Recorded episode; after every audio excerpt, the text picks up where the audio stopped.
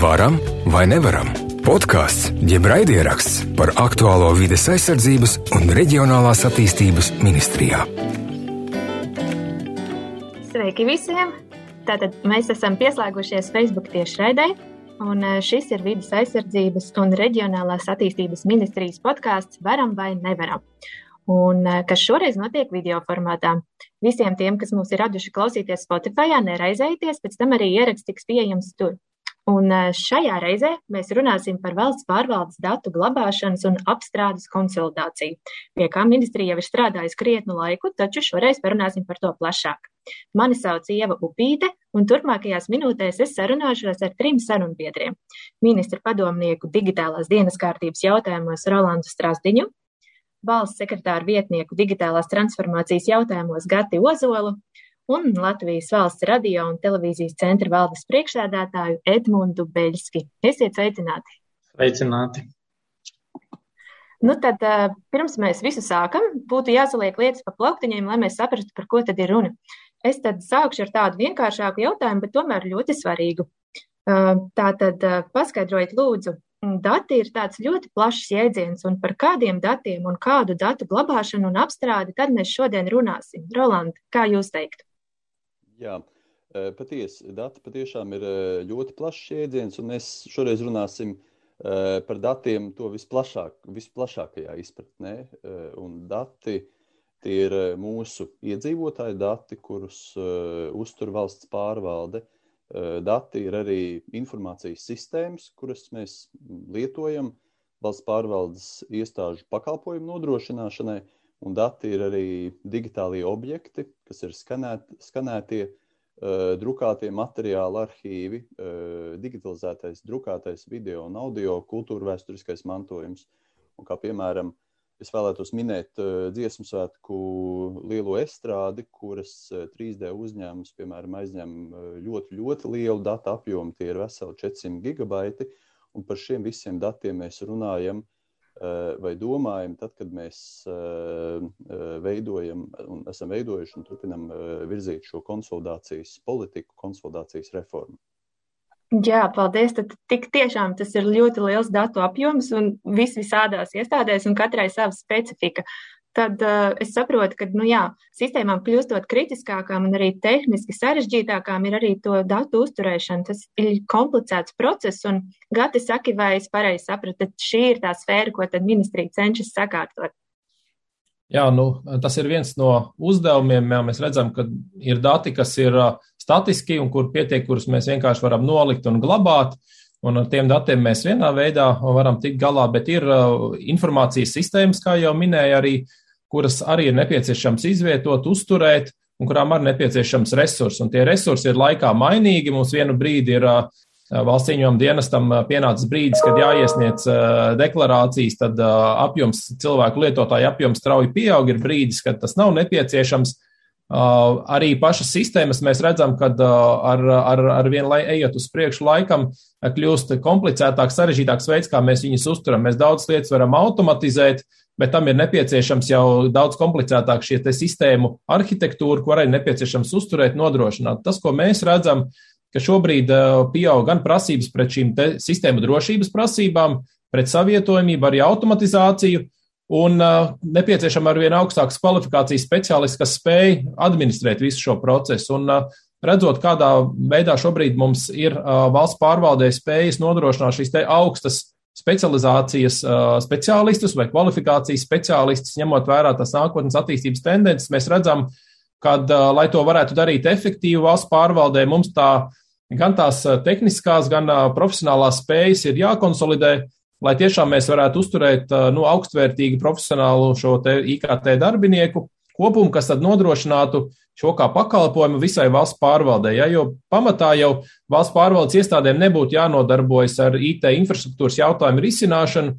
Viņām jānodarbojas ar to, lai domātu par to, kā kvalitatīvāks un lieliskāks pakalpojumus veidot efektīvāks iedzīvotājiem. Nu, infrastruktūras lietas atstājot tad uh, atsevišķiem profesionāļiem, un, un par to ir arī šis te pamata pamat, pamat reforma, kā mēs varam konsolidēt tās lietas, kas ir atbalsta lietas un nodot tās profesionāļiem. Nu, paldies tev par ievadu. Tad mēs sapratām, tagad, kas ir dati, ko mēs saprotam ar konsolidāciju, ko mēs vēlamies sakārtot. Bet tagad vajadzētu mēģināt iztēloties, kā tas viss izskatās dzīvē. Edmunds, vaicāšu tev, ja mēs iztēlotos praktiski, kā tad katrā valsts pārvaldes iestādē ir telpas pilnas ar datu serveriem, tur notiek visa tā svarīgā informācijas glabāšana, katram sava specifika, un Latvijas valsts radio un televīzijas centra telpās noteikti šādi datu centri nav reta parādība. Pastāsti lūdzu, kas tad tur notiek un ko ar tiem dara? Jā, labdien! Nu, papildinot kolēģi teikto, faktiski šeit ir runa par efektīvu, augsti kvalificētu ekspertu un sarežģītu un komplicētu infrastruktūras pārvaldību. Un to izdarīt katram atsevišķi, katrā iestādē ir praktiski neiespējami. Un kā arī kolēģis minēja, šīs eh, prasības, kas tiek izvirzīta gan informācijas sistēmām, gan datu glabāšanai, gan personu datu aizsardzībai, gan pat eh, to pašu serveru apkalpošanu programmu atjaunošanām, eh, tas viss prasa aizvien vairāk un vairāk cilvēkus, kas ir ar īpašīs specifiskām zināšanām. Un tāpēc arī šīs reformas ietvaros tā saucamie kompetences centri, kas Eh, cenšas konsolidēt eh, attiecīgi gan finanšu resursus, kas jāinvestē datu centrā, un tas ir eh, augstām nākotnes prasībām saistīts gan serveru telpas, gan dzēsēšanas sistēmas, gan elektrības nodrošināšana, gan optiskā kabeļu pievilkšana un dublēšana, tā lai gadījumā, ja kaut kur notiek vai nu vētra vai elektrība pārtrūkst vai pāro kabeli, vienmēr ir rezervētie risinājumi. Lai katra ministrija vai aģentūra tādu izveidot, faktiski tie ir nesalīdzināmi līdzekļi, kas būtu jātērē katram. Un mēs jau redzam šodien, ka ekspertu tiešām trūkst, trūkst lai to nodrošinātu augstā kvalitātē.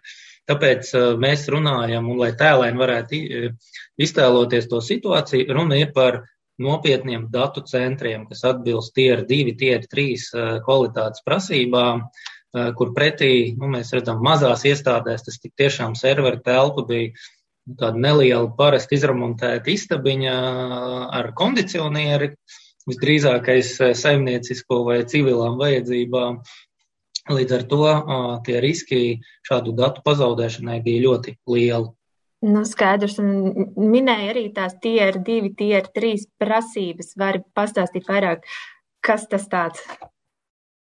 Tās ir vispārējās prasības, kas tiek izvirzītas datu centriem, datu centru nepārtrauktības nodrošināšanai, un jo augstāks šis skaitlis, jau var tā teikt, jo stabilāks piekļuve un prasības gan pieslēgumiem, gan nodrošinājumu pārtraukumiem ir daudz augstāks. Ko tas nozīmē? Tas nozīmē, ka investīcijas tieši infrastruktūrā ir daudz lielāks, jo jāveido ir dublējoši risinājumi un attiecīgi vai no uh, upsētiesēm vai dīzeļģeneratoru, kas prasa papildus izmaksas. Ja? Bet no otras puses tas nodrošina sistēmu darbības nepārtrauktību. Ja tās informācijas sistēmas, par ko runāja arī kolēģi, kurām ir valstiska nozīme un viņu darbība ir jābūt praktiski neapstājoties, ja, kas ir tiksim, tā no fantastikas, ja, bet tā pieejamība jābūt ļoti augstai. Tas nozīmē, ka arī tā infrastruktūra, kurā viņi dzīvojās, ir jābūt ļoti nu, uzticamai, es teiktu. Mm -hmm. nu, jā, tas to vien pierāda, kā jau tikko Edmunds minēja, ka uh, datu centri nevar atrasties, kurā katrā mazā telpā ir maza kondicionieri vai pavērta loga. Bet uh, runājot par tēmu, atkal konkrētāk jau 2013. gadā ministrijā tika izstrādāts pirmais plāns, kā efektīvi pārvaldīt datu centrus. Un ko tad ietvēr šis plāns un kādi bija nepieciešamie uzlabojumi gati? Jautājums tev. Jā, nu šeit 2013. gadā varbūt pat tas plāns bija nedaudz plašāks. Tā bija koncepcija par to, kā organizējama valsts informācijas komunikāciju tehnoloģiju pārvaldība valsts pārvaldē, tas organizatoriskais modelis, kas skāra dažādas jomas. Nu, viena no jomām arī bija šī pamata, pamata infrastruktūras, un tā pamata lieta tajā brīdī, kas tika noformulēta, kad mums jāiet šis konsolidācijas ceļš, jo tajā brīdī mēs runājam par to, ka katra iestāde tur mazu servera telpiņu, lai tieši savu sistēmu darbinātu. Un tā atziņā tajā brīdī bija par to, kad mums ir nepieciešams sākt šo konsolidāciju. Un tas pirmais konsolidācijas pieejams bija, ka mēs to darām resoru līmenī. Resoru tas nozīmē ministrija ar visām padotības iestādēm. Tātad mēs nosakām, ka katrā šajā resorā ir atbildīga cilvēks, atbildīgs IKT pārvaldītājs, kurš tad šo savu saimniecību apkopo. Un, Bet nu, laiks ir gājis uz priekšu, un uh, mums ir bijuši arī izvērtējumi attiecībā no valsts kontrolas par šiem uh, datu centru esošo situāciju. Un, uh, bija piemērs šajā 17. un 18. gadā, kur tika analizēti četru ministriju, 22 iestādes. Tika secināts, ka kopā šajās nu, četrās ministrijās, 22 iestādēs ir 33 datu centri. Nu, varbūt ne datu centri, būtu skaļi teikt, būtu servera telpas, es domāju, būtu precīzāks apzīmējums. Ja? Un mēs redzam, jā, tad, ka šobrīd jau tas veids, kā notiek gan tehnoloģiju attīstība, gan kāds mums šis ekspertu nodrošinājums, gan arī to, cik dinamiski var būt nepieciešams mainīt šos resursus, prasa to, ka mēs skatāmies jau nevis resoru līmenī, bet nacionālā līmenī. Tādēļ šobrīd ir, ir spērs tas otrs solis, kad mēs konkrēti par šīm datu apstrādes spējām runājam jau nacionālā līmenī. Bet tas, ko gribās vēl pateikt, papildus kad ir arī šajā laika posmā notikušas daudz labas lietas, un mēs tiešām arī vēlamies šobrīd pateikt paldies arī tiem resoriem, kuri tiešām ir ieguldījuši enerģiju un panākuši ļoti labus rezultātus šajā centralizācijā arī resoru līmenī, jo tas jau ir arī, teiksim, tā būtisks panākums, kas šobrīd ļauj to nākamo soli arī daudz varbūt vieglāk un ar, jau ar pieredzi veikt. Un tā, piemēram, iekšlietu ministrija ir konsolidējusi savus uh, resursus uz iekšlietu ministrijas informācijas centru. Arī uh, Labklājības ministrija ir uh, strādājusi savu padotības iestādi FSA, kur resurs tiek nodrošināts. Nu, arī mūsu pašu ministrijā sadarbībā ar uh, VRA aģentūru un LVRTC šī infrastruktūra ir, ir, ir konsolidēta. Uh, nu, tāpat arī citi resori, kur ir uh, uzsākuši, ja tur finanšu ministrija, veselības ministrijas, kur, kur jau plāni tiek izstrādāti. Tā kā ir arī daudz, teiksim tā, laba, laba, labas lietas izdarītas, bet nu, šobrīd redzam, ka jāspēr nākamais solis. Paldies, Gati. Dzirdam, ka darbi notiek. Tas ir ļoti labi. Mēs parunāsim arī vēl plašāk. Bet, Roland, vai jums būtu komentārs vēl, ko Gatis minēja pie, pie, pie šī jau, kādi ir nepieciešami uzlabojumi un kas jau padarīts? Uh, jā, uh, nu, pie, runājot par to, kas jau ir padarīts, tad uh, šie padarītie darbi ir bijuši saistīti ar, ar konkrētā brīža tehnoloģiskām iespējām un vispār tehnoloģisko progresu un, un pārvaldības konceptiem, kas nepārtraukti attīstās, un, un katrs solis attīstībā, modernizācijā, ko valsts pārvaldes iestādes ir veikušas, gan centralizējot resursus un paliekot efektīvākas iestādes līmenī, gan, gan tālāk nākamais solis centralizējot resursus un, un paliekot efektīvākām resoru līmenī vai, vai ministrijas un, padot, un, to, un ministrijām padot, ministrijai padoto iestāžu līmenī. Šie visi attīstības soļi ir saistīti ar tehnoloģiju evolūciju, un mēs šobrīd, šobrīd esam tādā jaunā evolūcijas lēcienā, Un priekš manis, tā kā es esmu bijis iesaistīts šajā Eh, IT nozares eh, evolūcijas procesā un eh, īpaši sasaistē ar valsts pārvaldi jau kopš 2000. gadu sākuma, man ir ļoti interesanti vērot šo, šo attīstības progresu. Jo agrāk, vēl pirms 2007. gada, mums sistēmas mēs izvietojām tā, ka vien, viens serveris, viena sistēma. Un tad apmēram 2007. līdz 2009 Un 2010. gads mums bija uh, tāds efektivitātes lēciens, kad uh, bija jau pieejamas tehnoloģijas, kad mēs vairāk sistēmas varam, varējām ievietot vienā serverī.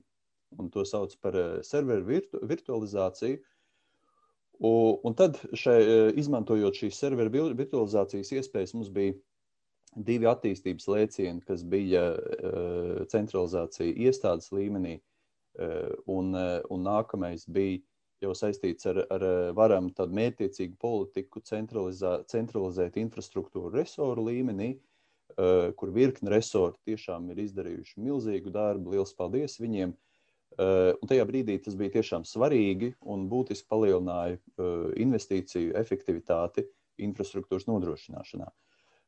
Šobrīd mēs esam tāda nākamā un ļoti liela evolūcijas lēciena priekšā, un tas ir saistīts ar automatizācijas iespējām. Tas ir saistīts jau tālāk, nākamais solis būs mākslīgā intelekta iespēja izmantošana, bet šis automatizācijas posms, viņš mums ir jāizdzīvo.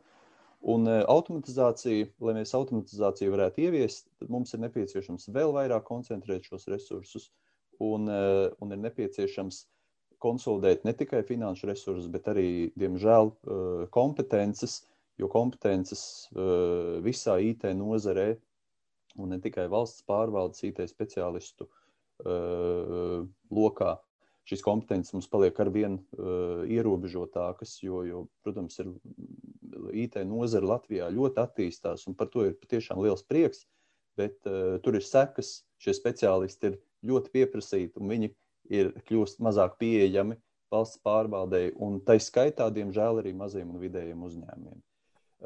Tā kā šis ir nākamais evolūcijas lēciens, pie kā mēs šobrīd strādājam, un tiem kritiķiem, kas ir pārmetuši, ka mēs esam nepietiekami centralizējušies, varbūt nepietiekami esam, esam darījuši līdz šim centralizācijas virzienā, Tur es negribētu piekrist, jo, jo šim attīstības lēcienam ir jānobriest. Jānobriest gan konceptu izpratnes ziņā, gan arī tehnoloģiju uh, brieduma ziņā.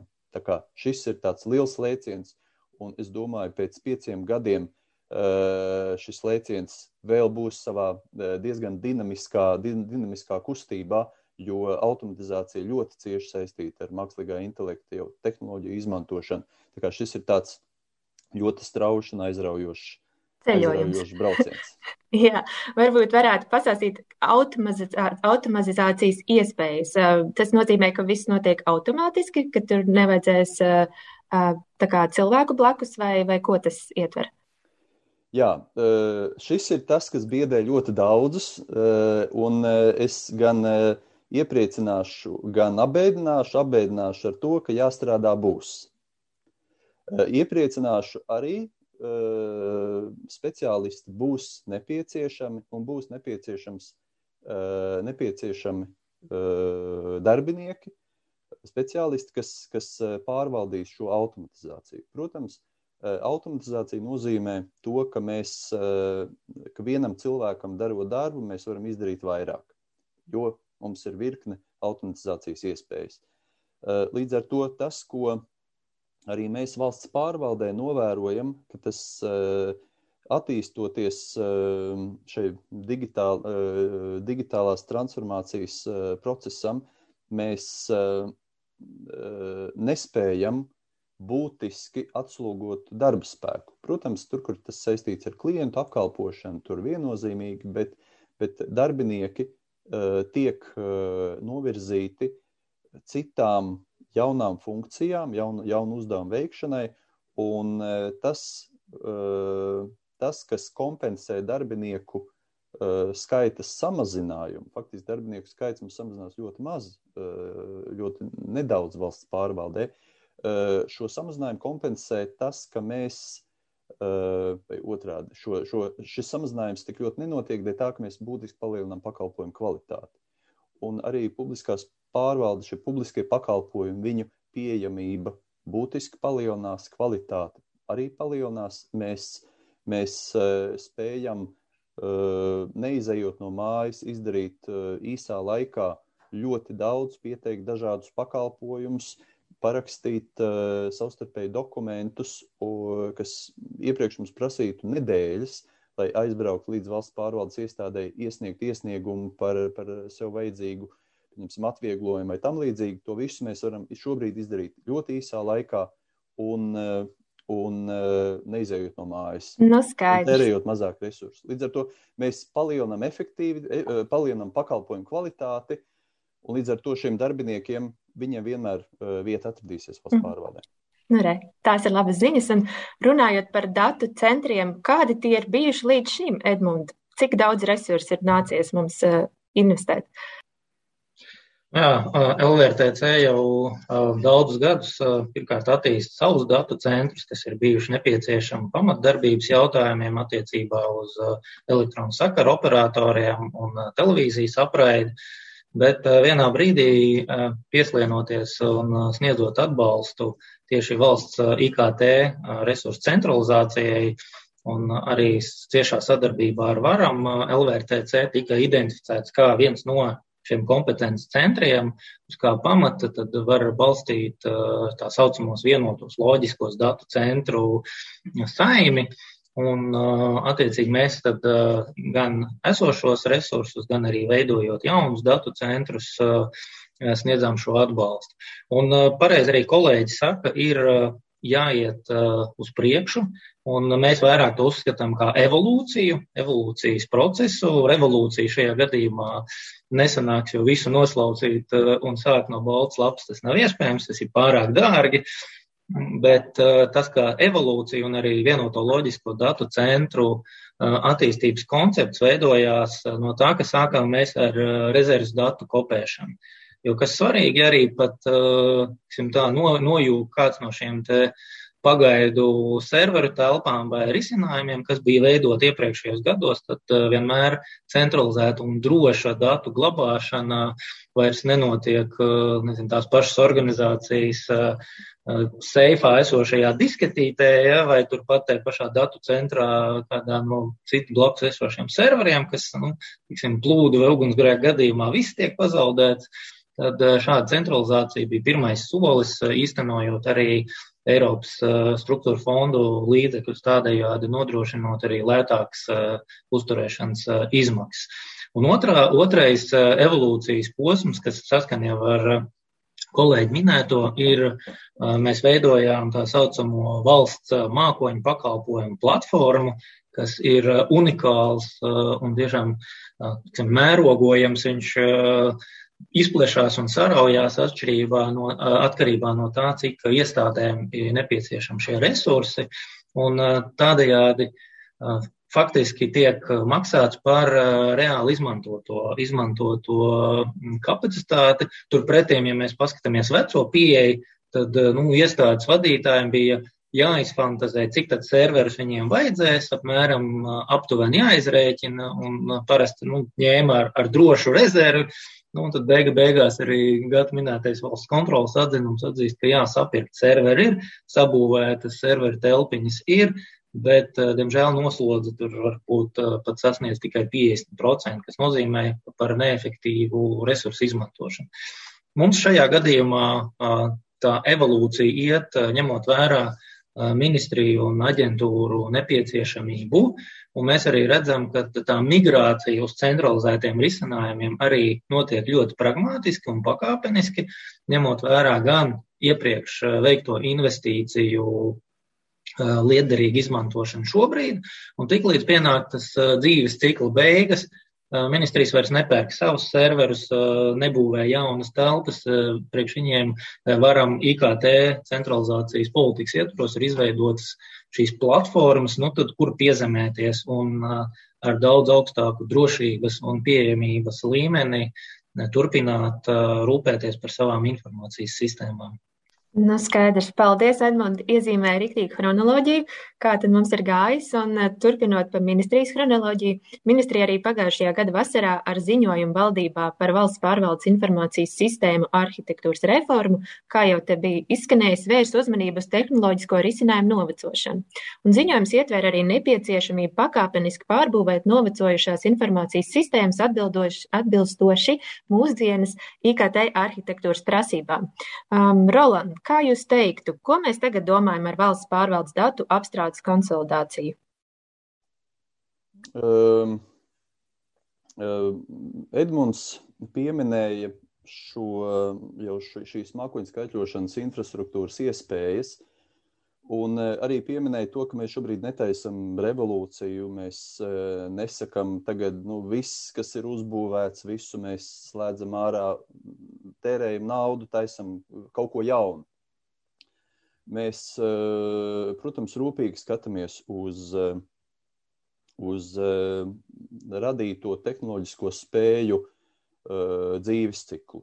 Un arī šis informācijas sistēma arhitektūras reformas plāns, kas valdībā ir apstiprināts, viņš paredz gan informācijas sistēmu dzīves cikla novērtējumu, kur iestādēm ir jānovērtē, cik kāds ir eksploatācijas termiņš mūsu sistēmām. Un, protams, šo eksploatācijas termiņu mēs varam pagarināt. Mēs arī uh, lietojot, pieņemsim, automašīnu ikdienā, mēs uh, varam par automašīnu nerūpēties. Automašīna mums uh, līdz ar to kalpos īsāku laiku. Ja mēs par viņu rūpējamies, tad uh, automašīna mums kalpos ilgāku laiku. Bet, protams, ir vidas prasības, uh, kas ir saistīts ar, ar papildus, papildus nodokļiem par, par, par vecāku, vecāku un, un piesārņojošāku automašīnu lietošanu. Līdz ar to mums kaut kā veidojas līdzsvars, ka mēs saprotam, ir laiks šo automašīnu nodot šrotā.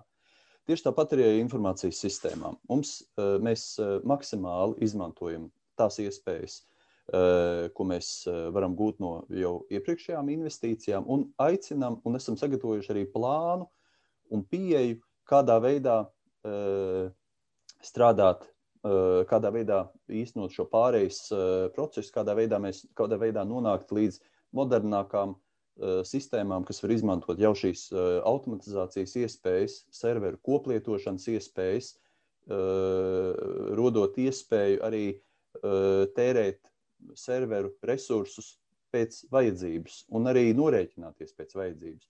Jo, piemēram, naktīs mums e-pakalpojumi netiek izmantot vai tiek izmantot ļoti maz, Līdz ar to naktī šie serveri, kas agrāk tika izmantot sistēmu darbināšanai, sistēmu eh, e-pakalpojumu pieejamības nodrošināšanai, šī liekā rezerve var tikt izmantota citiem skaitļošanas uzdevumiem. Pieņemsim, ļoti svarīgiem pētniecības projektiem. Mums tagad uh, Covid pandēmijas laikā mums īpaši nepieciešams skaitļošanas resursi pētniekiem uh, Covid, COVID šo, šo vakcīnu izstrādē un, un visā pasaulē datu centru operatori un pētniecības institūcijas, arī valsts pārvalde iegulda savus skaitļošanas resursu rezerves šādu pētījumu datu apstrādē. Līdz ar mhm. to šī, šī, šis virziens šobrīd ir fokus eh, šai informā, informācijas sistēma arhitektūras refor, reformai, viņa ir, eh, tas ir uz, eh, fokus ir uz, uz šo pārejas, pārejas plānu, kā nonākt no esošās situācijas uz jau mūsdienu mākoņskaitļošanas iespēju izmantošanu. Izmantošanu. Jā, nu re, lieliski. Un Gati, jautājums tev. Kā tu teikt, cik daudz laika un resursu tad mums būtu nepieciešams, lai mēs realizēt šo jauno, daudz ambiciozāko plānu? Jā, nu, attiecībā par laiku, es domāju, ka laiks rādīs par laiku, bet mums ir pirmie atskaites punkti ir arī attiecīgi ziņojumā, uz kuriem mēs fokusējamies. Ir 23. gads, tad ir jābūt no tām organizācijām, kuras, kurām šobrīd ir atsevišķas serveru telpas, kuras nav centralizējušas savus resursus. Un tad tām, kuras jau ir uh, resoru līmenī centralizējuši savus resursus, tam tas periods ir ilgāks. Bet uh, šobrīd kabineta um, uzdevums paredz arī uh, resoriem, ministrijām šo izvērtēt un sagatavot migrācijas plānus sešu mēnešu laikā. Tā kā es domāju, ka šie plāni mums parādīs to, nu, teiksim, to, to, to, to plānojumu. Bet šobrīd mēs koncentrējamies uz to, ka mēs esam atkal jauna no plānošanas perioda priekšvakarā, kur iestādēm teiksim, tā, tiks aktīvāk investēts gan sistēmu pakalpojumu attīstībā, līdz ar to arī sistēmu infrastruktūras attīstībā vai izmantošanā. Un mēs redzam, ka šis periods mums ir jāizmanto, lai mēs izve, iz, izveiktu ne tikai šos pakalpojumu lietas, izveidot jaunas iespējas iedzīvotājiem, bet vienlaicīgi, lai arī transformētos uz daudz ilgspējīgāku šīs tehniskās infrastruktūras izmantošanu. Tā kā šis ir tas nu, periods, kura, kura brīdī investējot naudu šajās pakalpojumos, mēs skatīsimies, lai šī nauda tiktu investēta ilgspējīgā tehniskās infrastruktūras attīstībā. Tā kā, nu, bet tie pirmie atskaites punkti mums ir 23. gads un 26. gads. Nu, skaidrs. Paldies tev par ieskicējumu. Un, Edmund, kā, kādas, kādi atskaites punkti ir LVRTC pusē? Jā, LVRTC, nu, ja tā var teikt, mēs jau sēžam ātri gaitas vilcienā un faktiski šī centralizācijas un konsolidācijas jautājumi ir šobrīd ikdiena. Un sadarbībā ar varam, gan VESPS sistēmā mēs iekļaujam jaunas informācijas sistēmas. Nu, tīri ieskatam šobrīd mūsu rīcībā ir mazāk vai lielāks uh, datu centri, ap 30 gabalu, pārpa 700 statnēm, pilnām serveriem ir mūsu rīcība, tāpēc mēs esam gatavi turpināt šo evolūciju. Kas ir šobrīd nākamie soļi? Nākamie soļi ir federētais mākons, kas ir Eiropas iniciatīva un varam uzraudzībā šis jautājums tiks attīstīts. Mūs arī interesē, lai papildus LVRTC veidotos arī tie pārējie vienotā loģiskā datu centra ekosistēmas kompetences centri, jo tās primārais mērķis jau ir izveidot līdzvērtīgus datu centrus, kas nu, savā veidā konkurē gan ar kvalitāti, ar izmaksām tai pašā valsts publiskajā pārvaldē. Un svarīgi arī audzēt tur kompetenci un kapacitātes. Līdz ar to mēs redzam šo vienu soli, un nākamais solis ir, protams, vienotā valsts kompetences centru pārvaldības modelis, kurš tad varēs, nu, teiksim, tēlaini izsakoties pat tos resursus, nevis staipīt un sašaurināt viena datu centra ietvaros, bet visu datu centru savstarpējā gan kapacitāšu un jaudas koplietošanā, norēķinoties vienam ar otru pēc eh, patērētājiem apjomiem, nu, tādu veidu augsta līmeņa pārvaldības modeļu izveidošanu. Nu, skaidrs, tātad plāns ir iezīmēts un sekojam līdzi visām, visiem atskaites punktiem, un mēs te visu laiku runājam par lieliem padarītiem darbiem, bet neesam nosaukuši vēl kā tad uh, tie visi saucās. Un, jā, pavisam nesen šī mēneša sākumā, 1. oktobrī, stājās spēkā grozījumi ministru kabineta noteikumos par vispārējām tehniskām prasībām valsts informācijas sistēmām un to ievērošanu uzraudzības kārtību un liela daļa no līdzinējiem ieteikumiem pārto par obligātām prasībām attiecībā uz valsts informācijas sistēmu arhitektūru un datu glabāšanas infrastruktūras koplietošanas pakalpojumu izmantošanu. Savukārt 19. oktobrī valdībā izskatīja informatīvo ziņojumu par konsolidāciju. Nu, mēs jau tik daudz te runājām, bet Gati, vai vēl kaut kas ir nepateikts, kas tad ir vēl nākamie soļi? Tu jau minēji 2023. gads un tā tālāk, bet ko vēl var pastāstīt? Ne, nu tādi varbūt pavisam praktiskie soļi, kas ir pirmie. Tad, tad šobrīd nu, galvenais fokus būtu iestādēm un resoriem apzināties to, ka ir jāsāk pārdomāt šis pārējas modelis un attiecīgi sešu mēnešu laikā mēs aicināsim arī, nu, atbilstoši ministru kabinetu uzdevumam, bet mēs lūgsim arī iesniegt mums šos te migrācijas plānus, attīstības plānus, kā tām iestādēm, kuras izmanto šos pakalpojumus, kā viņas plāno šo te pakāpeniski nodrošināt. Savukārt tām iestādēm, organizācijām, kuras nodrošinās šos te koplietošanas pakalpojumu centrus, ir jāsagatavo arī savu pakalpojumu attīstības plāni.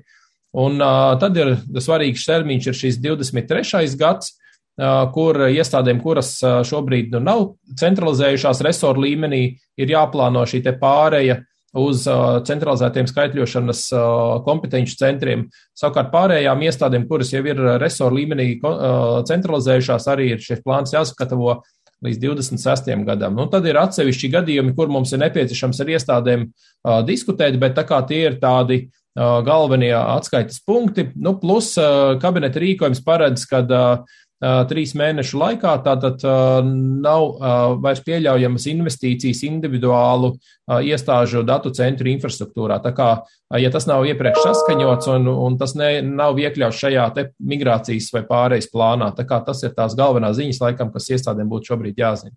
Nu, skaidrs, paldies tev par iezīmējumu, kas tad iestādēm būtu jādara. Varbūt pēdējais jautājums Rolandam. Mēs te ļoti daudz runājam par to, kā attīstās, par to, kādu revolūciju mēs tagad evolūciju ed, ejam un vedam. Un uh, varbūt salīdzinot ar 2013. gadu, varbūt var vēlreiz ieskicēt, kā tad mēs esam attīstījušies līdz mūsdienām 2021. gadam. Drīz jau beigsies, būsim jau 20, 2022.